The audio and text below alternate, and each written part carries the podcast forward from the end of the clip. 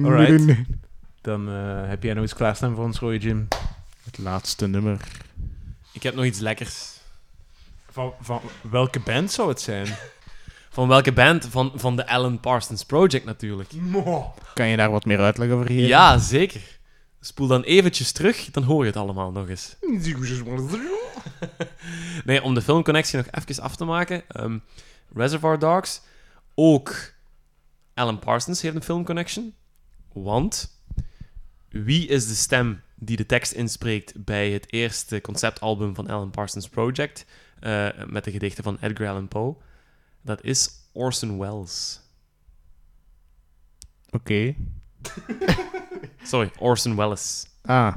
Ja, het zegt me nog steeds redelijk weinig, Nee? maar... eh, Jawel. Is het, is het De degene naam die... zegt me iets. Is het de, de co-directeur of, of de dingen... Acteur, regisseur Ah ja, van regisseur, onder meer top Hollywoodfilms als Citizen Kane. Ja, dat ken ik, ja. Ja, Ah, is, Citizen is, Kane is het daar regisseur? Ja, Ah, dat is, hij, hij is, hij is regisseur geweest en hij speelde ook de hoofdrol in Citizen Kane. Maar hij heeft nog andere films gemaakt, maar Orson Ah. Welles... Die Nu weet ik hoe het er dus- eruit ziet, ja. Voilà, ja. Dus, eh, dus die heeft eh, een kleine filmconnectie, een kleine... Ja. wist je datje? Eh, eh, interessant, interessant. Ja. Ehm,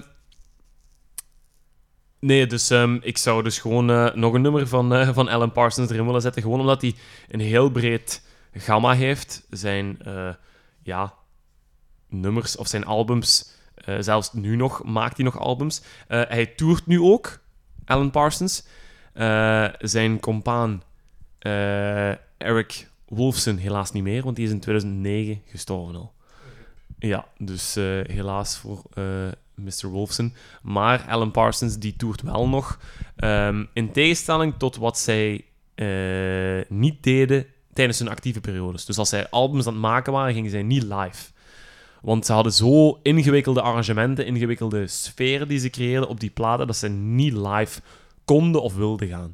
Maar dat doen ze nu dus wel. Sinds 99 is dus Alan Parsons eh, live aan het rondtrekken. En die zijn onlangs in België geweest. En ehm deden ze dan nooit live optredens?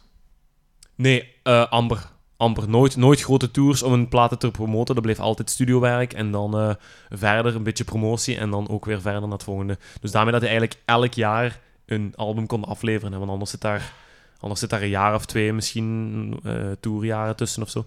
Dat was dus nu niet het geval. Nee. Ehm, ja, ik heb eigenlijk nog een paar suggesties voor songs. Welke ik zelf goede albums vind ook nog zijn eh, The Turn of a Friendly Card. Het gaat eigenlijk over ehm, hoe dat de maatschappij eh, in die tijd ook met, de, met, met vooral ook de, de 80s scene met ook casino's en, en, en alle bijbehorende verleidingen, hoe dat dat een maatschappij volledig kan ondermijnen. Dus dat gaat daarover, Turn of the Friendly Card. Ehm, en ik laat de suggestie aan u. Ik heb eigenlijk ehm, gezegd wat ik wou zeggen over de Alan Parsons Project. Degenen die nog niet wisten hoe het klonk, ga naar Spotify. Check ook eens de andere albums. Ehm, ehm, dus ik stel voor, ja, ofwel gaan we nog naar een liedje luisteren. Weer twee liedjes aan elkaar gevoegd.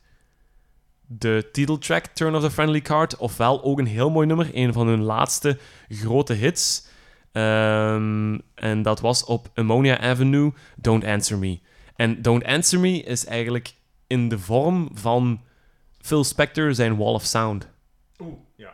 Bij eh, The Wrecking Crew is dat ook voorbij gekomen. Dus toen die eh, van daaruit met hun sessiemuzikanten gingen werken. Dus Alan Parsons heeft ook altijd met sessiemuzikanten gewerkt. Met heel veel verschillende zangers, met heel veel verschillende eh, eh, gitaristen eh, en allemaal muzikanten. Eh, en Don't Answer Me is daar een mooi voorbeeld van. En dat is ook schoon, ja, een schoon nummer gewoon. Dus ja, zeg maar. Dan stel ik voor dat we daar ook gewoon naar gaan luisteren. Don't Answer Me. Ik ben volledig overtuigd. Ja, inderdaad. En voor wie Alan Parsons wil ontdekken, zet Spotify op en doe je kamer helemaal donker. Helemaal in het donker, geen lichtmaker binnenkomen en dan moet je dat opzetten. Inderdaad, helemaal juist. Ehm, nog even... Ze hebben ook nog in 2014 een laatste plaat uitgebracht onder de naam Alan Parsons Project. Hè, want Alan Parsons had zelf nog een soloalbum van dit jaar uitgebracht. Maar Alan Parsons Project heeft nog The Sicilian Defense uitgebracht in 2014. Ehm, dat was eigenlijk een album dat ze in de jaren 70 rap, rap, rap gemaakt hadden voor de platenmaatschappij. Eh, en ze hadden dat gepresenteerd ehm, tegelijk met, nu moet ik even denken, ik denk tegelijk met, volgens mij Pyramid. Dus eind jaren 70. En toen hebben ze gezegd van, kijk, we hebben twee albums, eh, kies er ene. Ehm, maar The Sicilian Defense is eigenlijk een album waar haast geen vocals op staan.